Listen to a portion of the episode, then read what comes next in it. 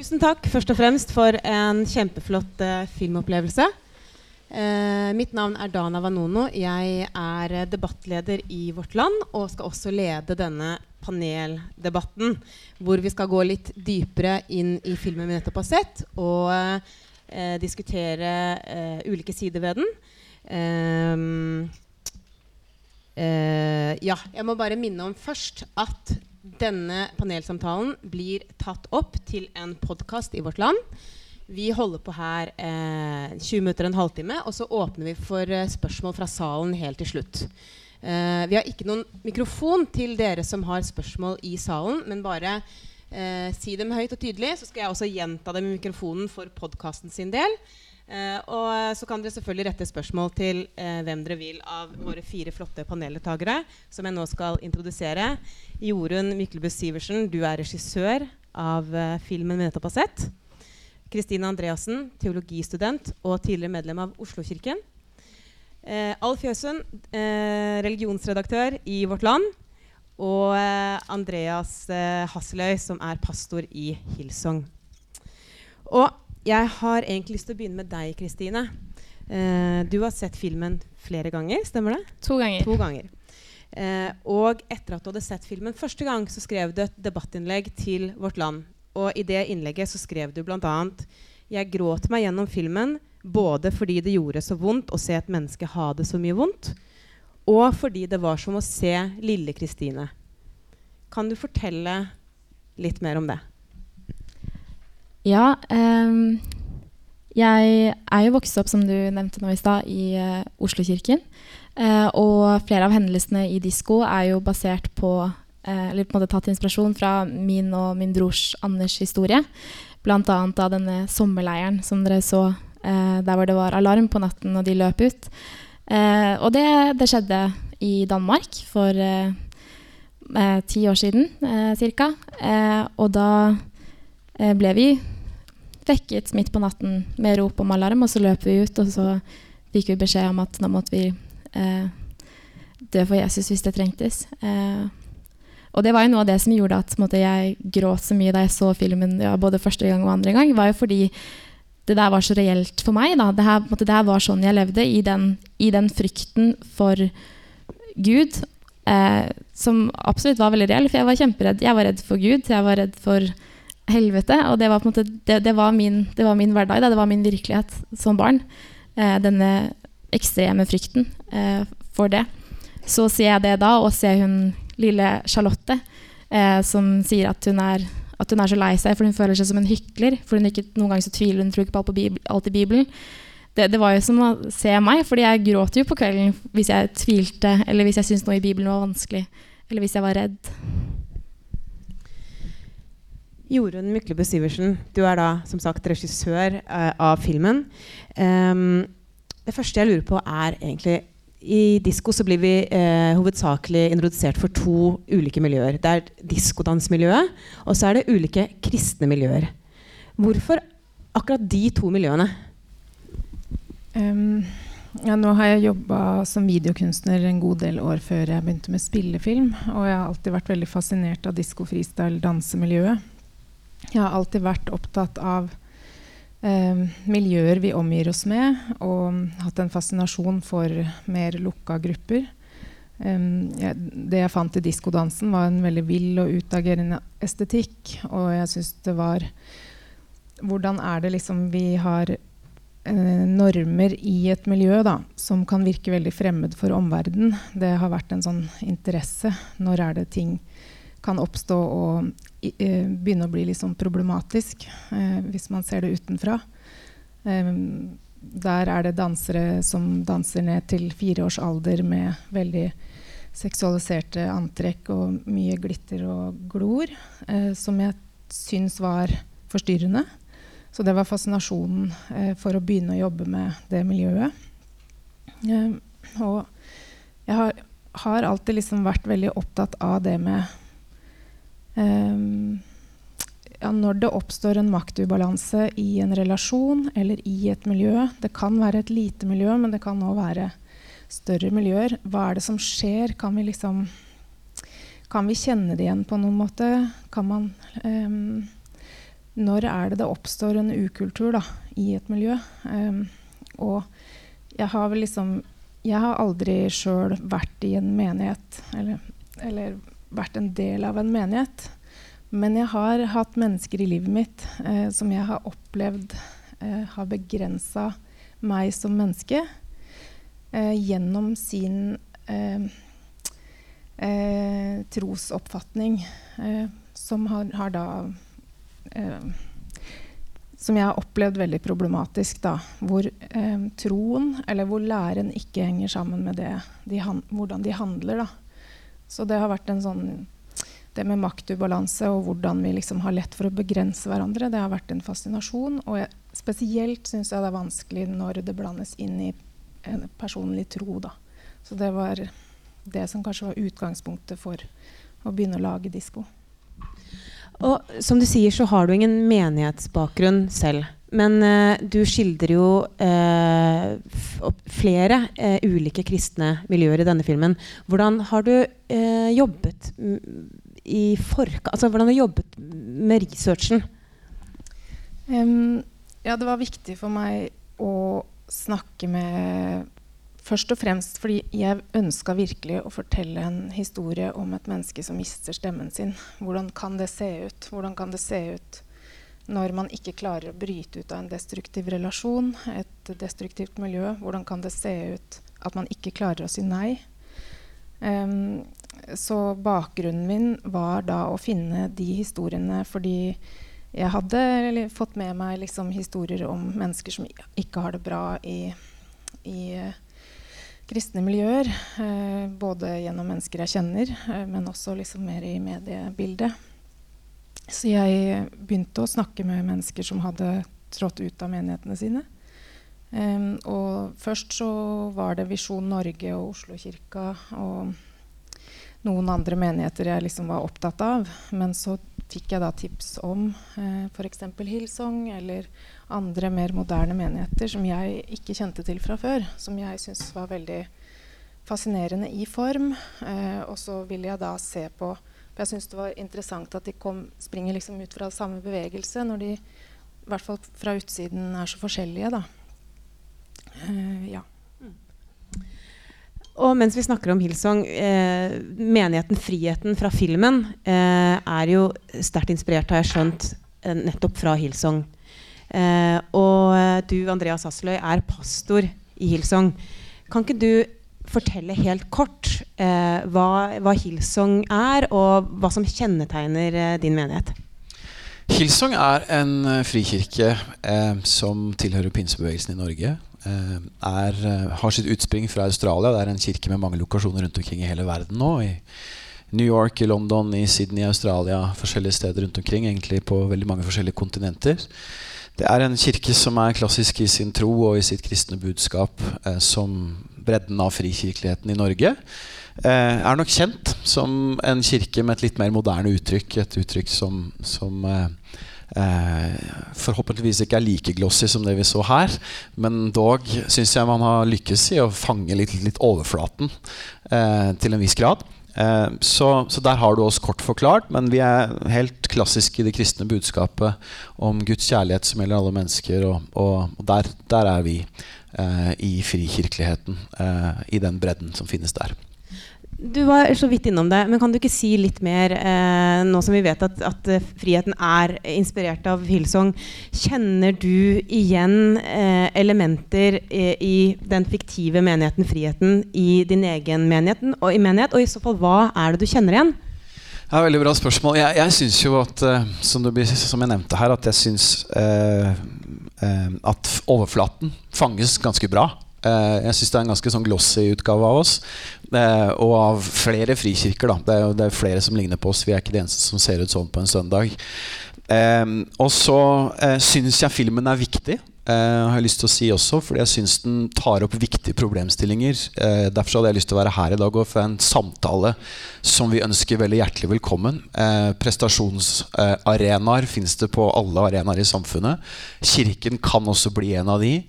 Eh, og Derfor syns jeg at eh, det er eh, det vonde med å se filmen. For jeg syns også det er vondt å se filmen. Jeg syns det er smertefullt.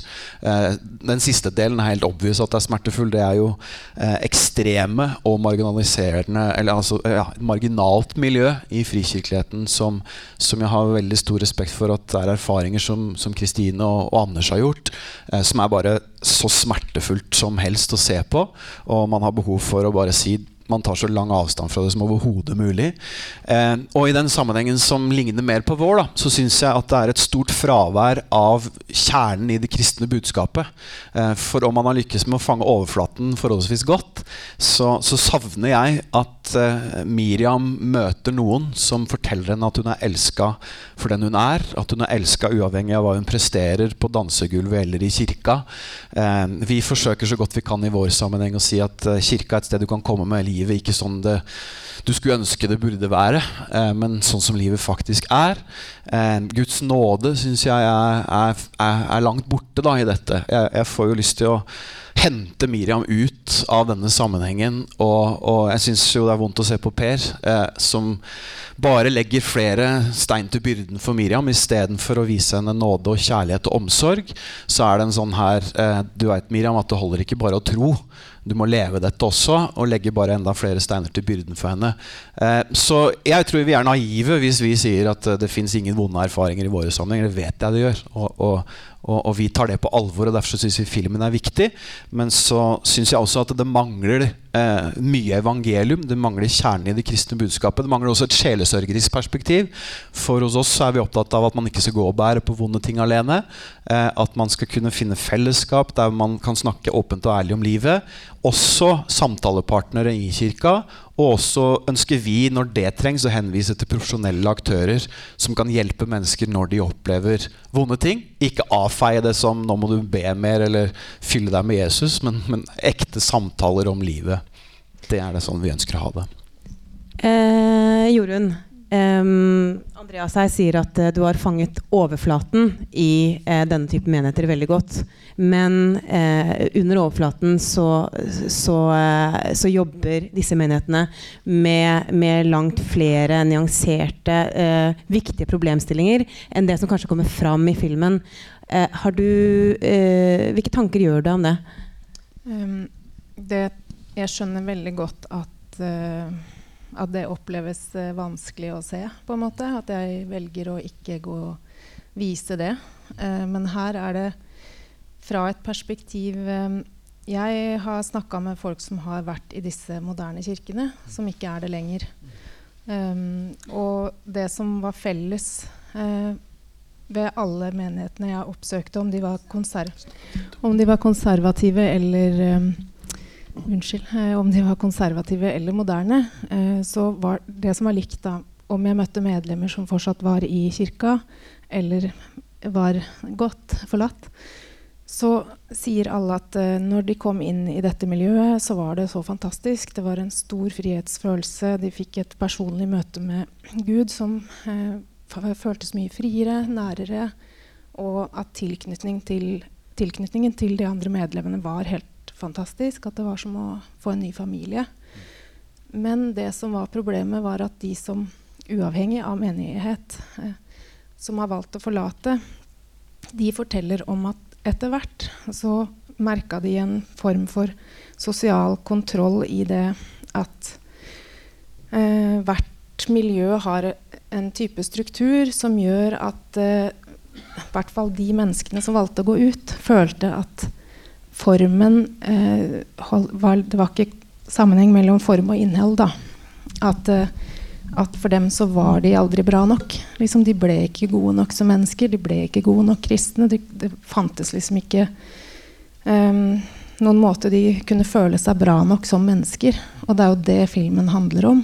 Når er det et menneske i et miljø som skal handle om nestekjærlighet, og ikke føler seg bra nok som menneske, da må man stille seg noen spørsmål. Hvorfor kan det bli sånn?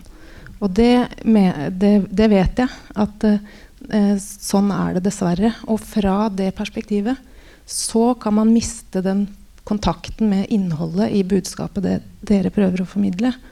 Og hvorfor skjer det? Jeg tror at det fins noen strukturer i miljøet som man kunne se på. For, ja. Vi skal få inn uh, Alf Jøsen, religionsredaktør, også. Uh, for du vet like godt som meg at uh, det har blitt skrevet spalte opp og spalte ned om disko. Uh, Bl.a. i vår avis. Og det er fryktelig mange som har gjort seg opp en mening, til og med før de har sett filmen. Så mye engasjerer den. hvorfor engasjerer disko så mye, og spesielt i Kristen-Norge? Ja, nå vil jeg først og fremst si at det er en veldig god film. Så det er jo kanskje hovedårsaken. Og så har jo gjorde hun et veldig eh, godt utgangspunkt fordi eh, kristne i denne type miljøer de er veldig veldig engasjerte. De eh, identifiserer seg kjempesterkt med miljøet sitt, kaller det sin familie. Og i mange tilfeller så er det mange som har en nærmere relasjon til de som er i menigheten, enn de som er i deres egen familie. Så dermed så, ja, Hvis noen lager film om familien din, da blir du veldig engasjert. Og så trykker Jorunn på noen knapper et tillegg som har gitt debatten ekstra mye fart. Eh, for eksempel så ja, altså, eh, I Fri tanke så skrev eh, ateisten Didrik Søderlin at dette kunne like gjerne vært et uh, debattinnlegg av uh, Levi Fragell. Og det var jo litt satt på spissen, men jeg tror at det, det er veldig tydelig i filmen hva eh, som er god kristendom, og hva som er dårlig kristendom. Eller i hvert fall hva som er dårlig kristendom. Det kommer veldig tydelig fram. Og så har debatten gått rundt omkring om dette er representativt. Det er klart Hvis det hadde vært en representativ film, så hadde det vært en informasjonsfilm. Det ville vært kjempekjedelig. Eh, men, men, Jorunn eh, sier jo også selv at den er representativ for noen miljøer.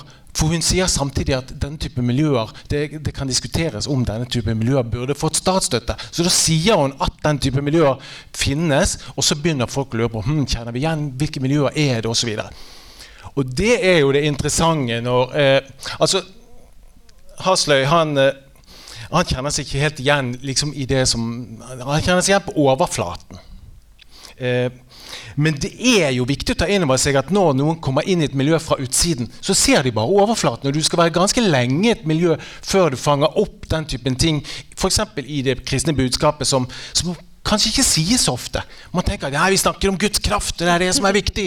Og så uh, snakker man om, kanskje om uh, tilgivelsen og nåden på ett av ti møter, og så er du kanskje ikke på det møtet. Så har du risikert å gå et halvt år i en menighet uten at du kommer liksom, til selve grunnbudskapet i den kristne tro.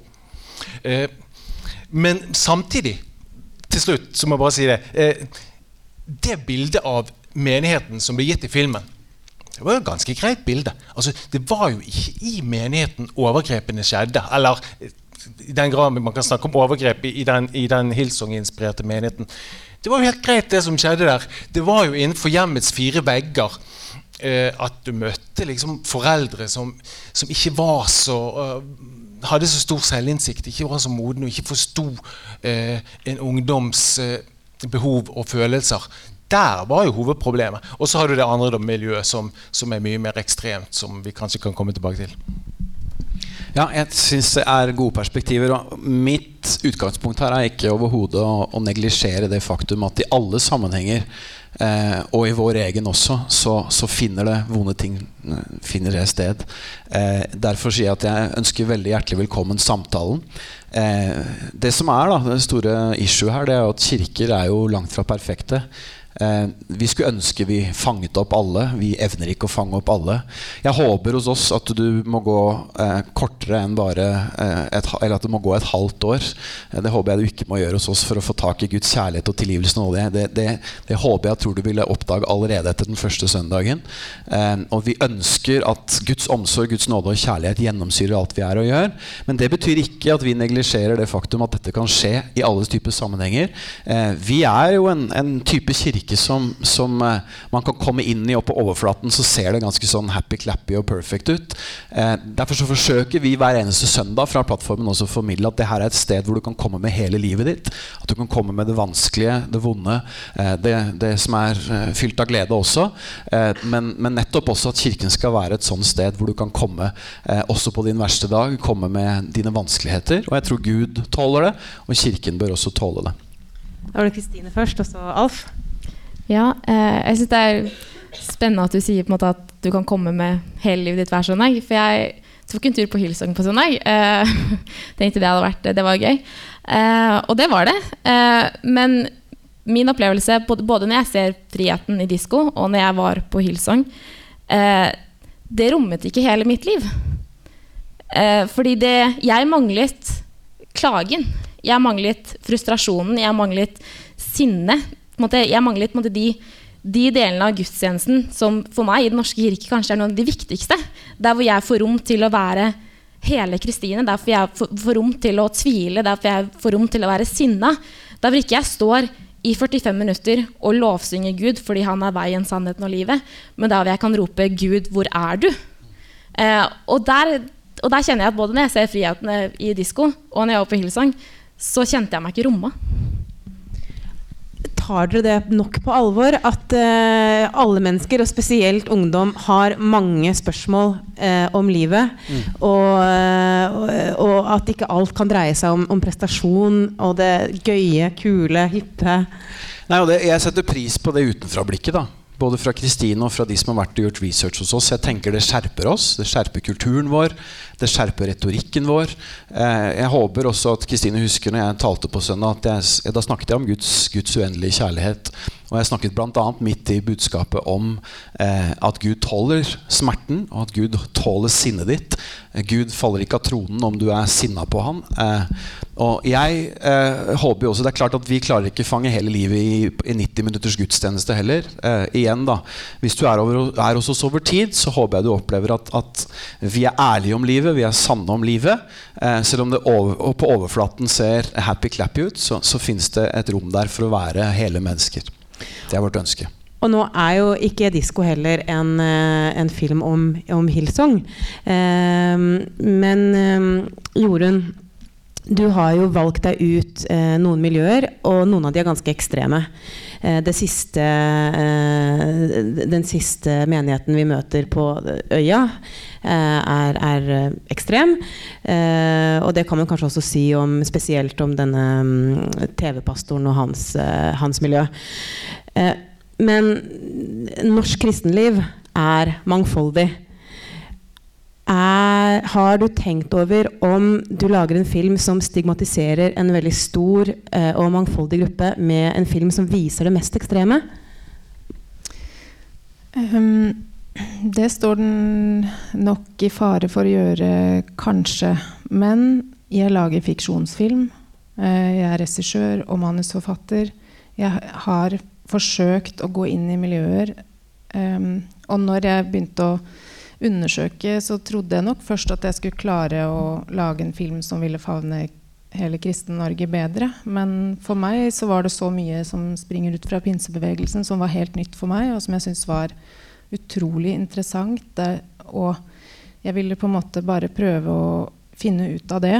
Eh, hvordan kunne jeg liksom for det var så mange menigheter, men likevel så følte jeg at det var liksom noen retninger som begynte å merke seg ut. Og jeg vil jo fortelle en historie om et menneske som blir fratatt stemmen sin. Og det fins i disse miljøene. Det er et universelt problem som vi trenger å se på. Vi snakker veldig mye om sosial kontroll i um, minoritetsmiljøer og blant mennesker som kommer fra en annen kulturell bakgrunn, men jeg mener at vi må tørre å se på det i vår egen kultur, og det gjelder norske kristne hjem, norske kristne miljøer. Det gjelder i sekulære norske hjem. Så jeg har en interesse for dette. Det er det jeg brenner for. Liksom, å lage film og lage disse historiene. Dette er filmen om de norske, pins, de norske frikirkene, som jeg syns var interessant å gå inn i. Det betyr ikke at jeg liksom kritiserer det å tro. Det betyr ikke at jeg tenker dette ikke skjer i resten av samfunnet vårt. Eh, men dette er ett blikk fra et menneske som mista stemmen sin. Og det er en sum av mange stemmer som jeg har snakka med over ganske lang tid. Alf, det er jo din jobb å avdekke maktmisbruk i kristne miljøer. Eh, kjenner du igjen det i filmen vi har sett? Ja, altså Nå eh, flytter vi oss fort til den siste delen av filmen, der de virkelige overgrepene skjedde. Og Kristine har jo opplevd at uh, det har skjedd. Riktignok ikke i Norge. Jeg tror, altså jeg har ikke hørt om noen miljøer som er så ekstreme i Norge overhodet. Og dette er jo et veldig sånn fiktivt bygget opp miljø. Du, du finner ikke dette miljøet i det hele tatt fordi at har blandt sammen noen høy, høykirkelige tendenser i eh, korsang og liturgiske ting. Og så plutselig så blir de veldig karismatiske. Og den kombinasjonen er, helt fremmed. Eh, det fins noen karismatiske som har gått litt i høykirkelig retning, men det er de mest intellektuelle karismatikerne som er, og de, de, finner, de stapper ikke sand i munnen på folk. Så, så og, og og vi så jo også her at når de satt rundt det der nattverdsbordet, så ble det litt latter i salen. For det, skildringen av miljøet gikk litt ut i det parodiske, og det var kanskje en hensikt med det. Kanskje poenget ditt var det å at folk skulle eventuelt kjennes igjen i enkeltelementer og ikke i hele miljøet. For hvis du hadde skildret miljøet miljø som faktisk eksisterte, så kunne folk sagt der er det, og så kunne de sagt nei, vi har ikke det sånn. så da er ikke det oss like. Altså, Debatten ville blitt veldig vanskelig. Så det kan ha vært en genistrek. Eh, men, men, men, så ekstreme ting, fysiske overgrep, det er sånn som skjer på en måte bak lukkede dører. Vi hører om enkeltpersoner, vi hører om foreldre, vi hører også om pastorer som gjør sånn bak lukkede dører. Men i den rituelle eh, på en måte delen så har du noen ekstreme menigheter som f.eks. driver med demonutdrivelse osv. Men, men det tilfellet i Danmark det var, det var uten sidestykke, tror jeg, i Norge. Da var det Jorunn og så Kristine. Eh, jeg kan jo bare kommentere at eh, det var viktig da, å finne en måte å For de to første miljøene tenker jeg er veldig tydelige kopier. Eh, og det er de tenkt å være. Men den siste, der har jo anonymisert på en måte både eh, ja, for, å, liksom de, for ikke, ja, de, som ikke vil stå fram med navn, men også menighetene da, som jeg har besøkt. At jeg hadde ikke lyst til å Så det er en sånn grøt av ting som jeg har funnet i, i researchen. Og det er òg liksom basert på ting som også ikke fins i Norge.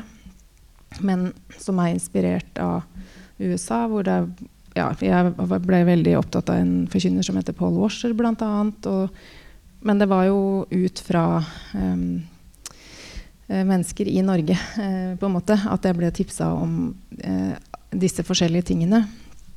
Så det er en sum av det. Og så i formen så ville jeg liksom Jeg beveger meg jo mellom noe som er banalt og um, al alvorlig.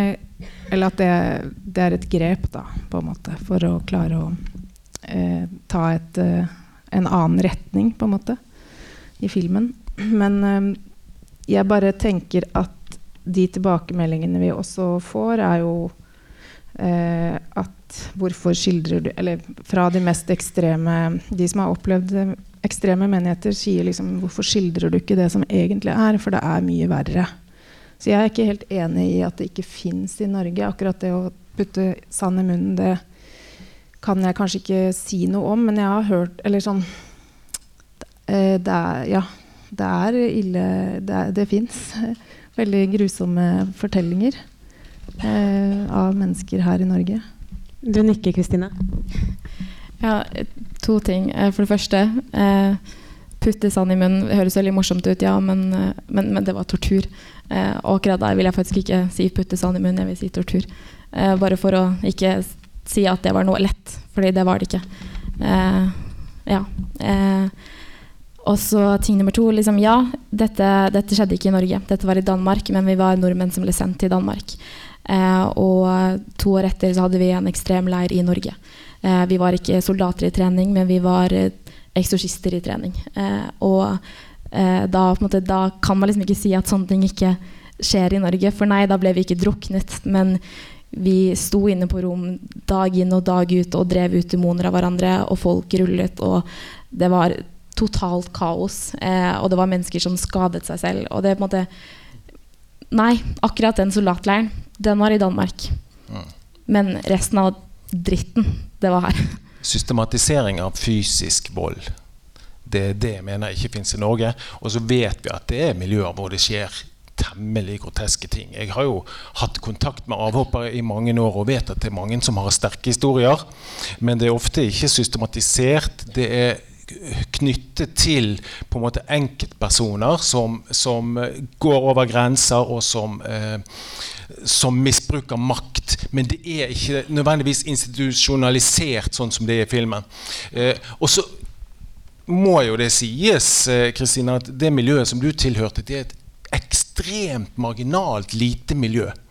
Så eh, vi snakker likevel om svært få som opplever det sterke som du har opplevd. Eh, og du forteller, Når du forteller om det, så forteller du på en sterk og uhyre troverdig måte, som jeg håper veldig mange hører på eh, når du forteller det, de gangene du har gjort det.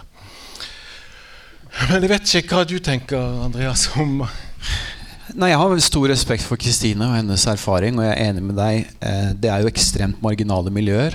Det som jeg syns er eh, det skumle her, da, det er at uh, man ta, Og jeg forstår at det er reelle erfaringer, og det er, det er gjort bra research, her også. Uh, og så tror jeg at når man uh, møter en såpass ekstrem form for kristendom som man gjør på slutten her, og så har man en Man blander litt alt i en suppe og sier at sånn ser frikirkeligheten ut, eller sånn kan den i hvert fall se ut, så tror jeg at mennesker som er utenfor kirkelige sammenhenger, tenker at alle mine fordommer blir bekreftet. Og jeg tror at det er en generalisering og stigmatisering stigmatisering av frikirkeligheten som ikke stemmer.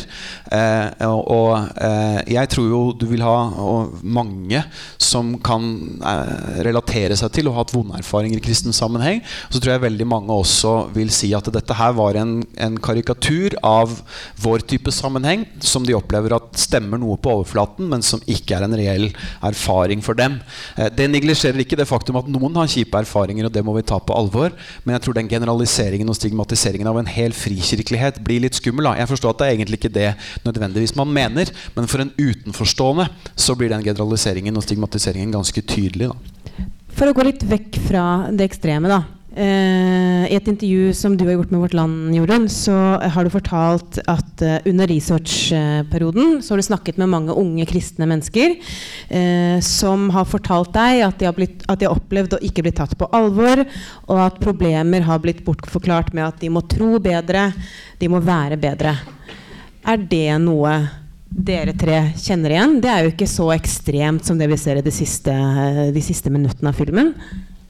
Mm. Jeg, jeg bare, det er et eller annet med eh, hva som er At det er svært få mennesker som opplever disse tingene. og sånn, Men eh, det er jo ikke så ukjent for oss det at eh, mennesker kan bli radikalisert. Eller hva slags form kan det ta hvis du ikke blir møtt i miljøet ditt på en ordentlig måte?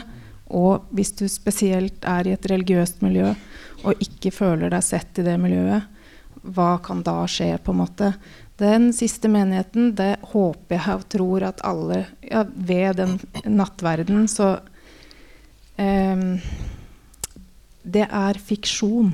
Det er en tenkt uh, Det er noe som jeg har Det er en smeltedigel, men samtidig så syns jeg det sier noe helt reelt om uh, hva som kan skje hvis vi uh, Det ene, den, det ene liksom det her med hvordan mennesker blir isolert da, når, de blir, når, de står i en vanskelig livssituasjon og ikke blir møtt det, for det de står i, eh, så kan de ende opp med å bli veldig isolerte, og det tror jeg kan være farlig. Det kan eh, gjøre sånn at man vil volde skade mot seg sjøl eller andre.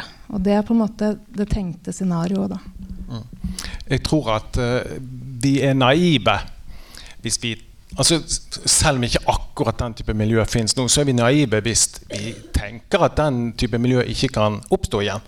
For det har jo oppstått så mange rare ting i kirken gjennom årenes løp, helt fram til vår tid. Så det tror jeg vil eh, skje igjen. Men jeg syns det er litt dumt at filmen er blitt en diskusjon Eller diskusjoner har begynt å handle om liksom, eh, Fins de mest ekstreme tingene i kristne miljøer? For der filmen er på sitt mest troverdige, så handler den om avstand mellom livet til Miriam, til pastor Per og hans kone, og på en måte skallet eller bekjennelsen. Og det er noen miljøer som er veldig opptatt av hva Gud kan gjøre deg til. Hva på en måte Gud kan gjøre i livet ditt. Eh, hvor langt du kan komme i kristenlivet. Hva kan, Gud kan utføre ved deg. Eh, og når man snakker veldig mye om det, så kan avstanden bli fryktelig stor til det du faktisk føler deg som, og det du faktisk er. Og jeg har jo sett gang på gang på gang på gang mennesker med høye, store bekjennelser, flotte ord på talerstolen. Når, kommer, når du kommer inn på dem, så er det ikke så fantastisk i det hele tatt likevel. Og det er jo noe av det som, som hun, hun eh, Miriam sliter mest med å se den fantastiske faren stå der på, eller stefaren stå der på talerstolen, og så vet hun at det, det er ikke sant. Og det er jo ikke sånn i Den norske kirke at man kan liksom man står ikke fram der heller og snakker om at jeg er så elendig osv. Der er det mer sånn ja, du har rom for tro og tvil og ja, himmel over liv og alle mulige sånne ting. Man kan jo oppleve at det er litt sånn tomt, det også. Eh, men når bekjennelsen blir veldig stor og sterk og god eller fin, da blir det et stort sprikk. Da tar vi eh, Kristine kort, og så Andreas kort, og så åpner vi for spørsmål fra salen. Jeg synes Det er veldig fint at du trekker Den norske kirke i det og kritiserer litt den forkynnelsen, fordi det er jeg veldig enig i. Um, fordi det er på en måte det jeg ser i i disko og på en måte i andre kristne miljøer som jeg har vært i, er på en måte den, der, den veldig overflaten at liksom, her er det rom for deg, Gud er kjærlighet, eh, osv. Eh, og det er sykt bra, og det, det mener jeg virkelig, fordi det hørte ikke altfor mye da jeg var barn. Eh, men jeg mener også at man skal romme den utfordringen. Eh, og på en måte å snakke om hva som er vanskelig, og på en måte tørre å være ærlige og åpne og snakke sant om livet og om Gud og om det som er tøft og det som er kjipt. og på en måte Ikke bare trekke fram sånn I Den norske kirke har vi tekstrekker du må forholde deg til på gudstjenestene, så du er ganske bundet til de. Men hvis du er i miljøer der hvor du kan velge bibeltekster selv, til søndager, så ikke bare trekk de du liker godt, men liksom ta fram historiene om Abraham og Isak og snakk om hvorfor det er så problematisk i dag. og lese på en måte sånn snakk, snakk, ærlig, da. Snakk åpent. Eh, vær utfordrende. Er det for lite åpenhet og ærlighet? Nei, det, det, det, tror jeg det kan være. Og jeg, jeg, når du sier som du sier, noen kan oppleve 'jeg tror ikke nok', 'jeg føler meg ikke god nok', hele, hele den pakka der, det, det, tror jeg er helt reelle problemstillinger. Mye av min motivasjon for å bli predikant i det hele tatt, jeg hadde ikke noen veldig store planer om det, det var nettopp det at jeg hadde lyst til å formidle et budskap om Guds nåde, om Guds kjærlighet som hele basisen for det kristne livet. Eh, og eh, jeg krangler med kona. Jeg har ingen liksom eh, perfekt eh, livsstil bak kulissene kulissene. Det tror jeg enhver pastor vil være enig om. Men jeg snakker også om det fra plattformen. Jeg kan være åpen og ærlig om at uh, livet ikke er på stell for oss. Det er like mye issues her som det er hos alle andre. Og den ærligheten og den oppriktigheten tror jeg er veldig viktig at uh, skinner igjennom. Og så tar vi på alvor de spørsmålene som filmen stiller, for den stiller viktige spørsmål, og den skjerper oss i våre miljøer, så vi kan skape en kultur der hvor det er uh, åpenhet og trygghet og godhet, og også rom for hele livet. Det er jo ingen som legger ut på Face 'Jeg kranglet med kona i går, og det var helt uh, ræva'. Altså, det er sånn vi er, vi mennesker. Vi, vi skjuler de tingene. Som, det er ikke det vi gjør på plattformen, i hvert fall. Jeg gjør det, da. Da lar vi det bli siste ord uh, i denne runden. Og så um, vil vi åpne for spørsmål fra salen. Er det noen som lurer på noe til noen av våre fire flotte paneldeltakere? Skal jeg bare gjenta spørsmålet kort for podkasten sin del. Eh, hvorfor har dere klippet filmen på den måten dere har gjort, og har dere gjort etiske vurderinger? Ja, det er jo Jeg har hørt på ganske mange taler, eh, både av Steven Furtick og andre. Eh, og det er jo satt sammen på den måten for å få fram et poeng i en fiksjonsfilm.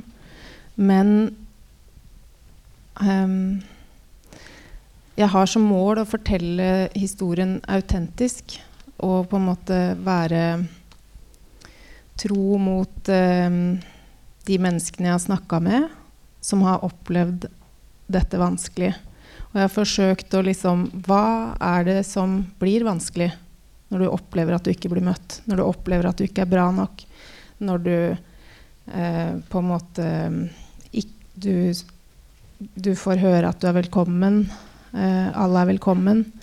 Men hvis du lever, lever ut eh, det er kanskje det liksom mest konkrete eksempelet som jeg syns er etisk veldig vanskelig. Eh, hvis man lever ut eh, homofili, f.eks., så kan man bli bedt om å forlate menigheten sin. Det er mange, det er mange jeg, Etikken min er at jeg forholder meg til de rettighetene vi søker om. Vi har fått lov av Steven Furtick å bruke disse klippene. Eh, jeg er kjempeopptatt av det etiske. Men jeg må òg tenke at eh, ok, jeg kommer ikke fra disse miljøene. Jeg står fra utsida. Jeg har prøvd å innhente meg den informasjonen jeg kan. Jeg har prøvd å møte de menneskene som har hatt det vanskelig i disse miljøene, så godt jeg kan. Og så prøver jeg å lage et bilde ut fra det eh, på den måten jeg kan. Og det føler jeg liksom Jeg føler at jeg sover om natta. Jeg står fra utsida og har, jeg har med mine eh, mitt syn inn i filmen, på en måte. Eh, som jeg kan ikke fri meg fra mine egne erfaringer som filmskaper. Og det er noe jeg har med meg inn i det, de etiske vurderingene. Men jeg prøver jo um, Jeg prøver i hvert fall å gjøre det jeg kan for at det skal være åpent at det vi gjør, liksom alltid er um, Ja, vi har rettighetene til å vise, vise, klippene på den måten. Det kan han stoppe hvis, hvis han ville det, og det har han ikke gjort. Så jeg vet ikke om jeg kan svare bedre. Andre spørsmål? skal prøve å gjenta det også for podkasten. Um, du forteller om uh, mennesker du har snakket med i researchperioden din, sin, i researchperioden din uh, som forteller om en isolasjon uh, i sine kirkesamfunn. Men er dette egentlig spesielt for disse kirkesamfunnene, eller er dette mer, en mer sånn allmenn norsk mentalitet? Mm, jeg tror jo at uh, det å oppleve isolasjon i miljøet sitt uh, ja, At det er en allmenn ting. Men nå er det disse miljøene jeg har gått inn i. Det er disse menneskene jeg har snakka med. Og uh, mange det, det, kommer litt an på miljøet, tror jeg. Men de, i, mest, i, de mest ekstreme miljøene så tror jeg definitivt de har følt seg veldig isolert i forhold til resten av det sekulære samfunnet også. Men i de moderne menighetene så opplever jeg ganske sterkt at det er eh, snakk om menighetsmiljøet. Jeg, jeg, har ikke et spørsmål, men jeg vil gjerne skyte inn noe som jeg kom på. Altså, nå, nå, eh, nå har det vært mye snakk om Hillsong, og, og jeg har aldri vært i Hillsong. Men jeg kjenner uh, den typen karismatiske menigheter ganske godt. Blant annet så har jeg tror jeg har hørt på hver eneste eh, søndagspodkast, altså podkast fra søndagsmøtet i Salt. Og du, ifølge noe jeg leser, skal du også ha sammenlignet dette, med, dette miljøet med Salt. Og min opplevelse etter å ha hørt på nesten 100 søndagsprekener i Salt, det er at eh, det, er en, det er en ganske stor åpenhet for å snakke sant om livet i den typen menigheter. Så jeg, jeg vil forsvare eh, dette miljøet litt. Eh, sånn som jeg opplever det, så, så er ikke måte den, den litt sånn lukkede tonen eh, som, som var i den friheten-menigheten, den er ikke representativ. Heller ikke for den type miljøer som Hillsong og Salt representerer. sånn jevnt over. Men som sagt, jeg kjenner ikke Hillsong så godt. Nei, men Vårt ønske er jo at uh, vi har den tonen i vår formidling og forkynnelse. At livet er det plass til. Uh, at Gud kan være der i alle slags sesonger i livet. Og at vi rommer, rommer hele livet. Men at vi kan bli bedre på det. Definitivt. Absolutt. Ja, så Det handler altså da om den scenen eh, hvor en homofil gutt blir, eh, får drevet ut eh, demoner. Eh, og eh, mannen i salen her sier at han syns det, eh, det, den scenen virker litt enkel og tatt ut av sammenheng. Kan du kommentere det? Ja, det er den jo. Den er spissa og på en måte prøver å si noe skarpt om det spesifikke miljøet. Men jeg opplever også Ja, filmen er spissa, og jeg på ingen måte ønsker å kritisere tro. Jeg tror jeg har eh, Flere av mine nærmeste venner er religiøse, og jeg har ikke eh, når du, når du, kommer hit, vi kan snakke sammen Jeg har snakka med flere av dine eh, kolleger. Eller det er jo så fine møter, og vi kan ha åpne samtaler. Og det er ikke sånn at jeg tror at, at man ikke åpner opp for hele mennesket, da. Det er ikke helt sånn.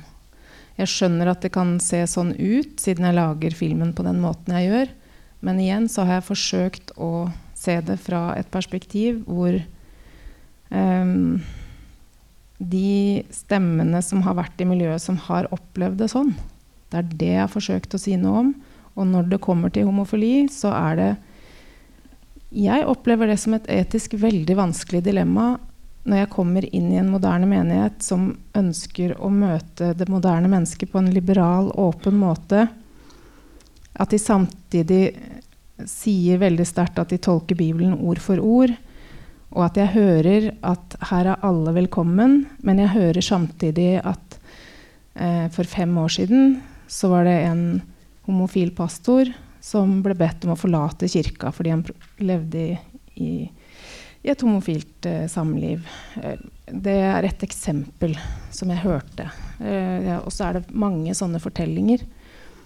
Eh, og jeg bare syns at det er eh, det, For meg da, så strider det liksom mot menneskeverdet når man kan si at uh, det er greit å være akkurat som man er, men man kan ikke leve det ut, da. Det, og ja, jeg veit ikke. Um, ting er satt på spissen. Det er fiksjonsfilm, og jeg prøver liksom ikke å henge ut noen, men det er òg noen ting som jeg syns er helt legitimt å kunne være litt spiss uh, i forhold til, da. Da har jeg fått beskjed om at vi dessverre må avrunde. Jeg så at det var noen flere spørsmål, men dere kan jo huke tak i uh, disse fire paneldeltakerne uh, på vei ut. Uh, men da vil jeg bare be om en stor applaus til alle fire. Takk for at dere kom.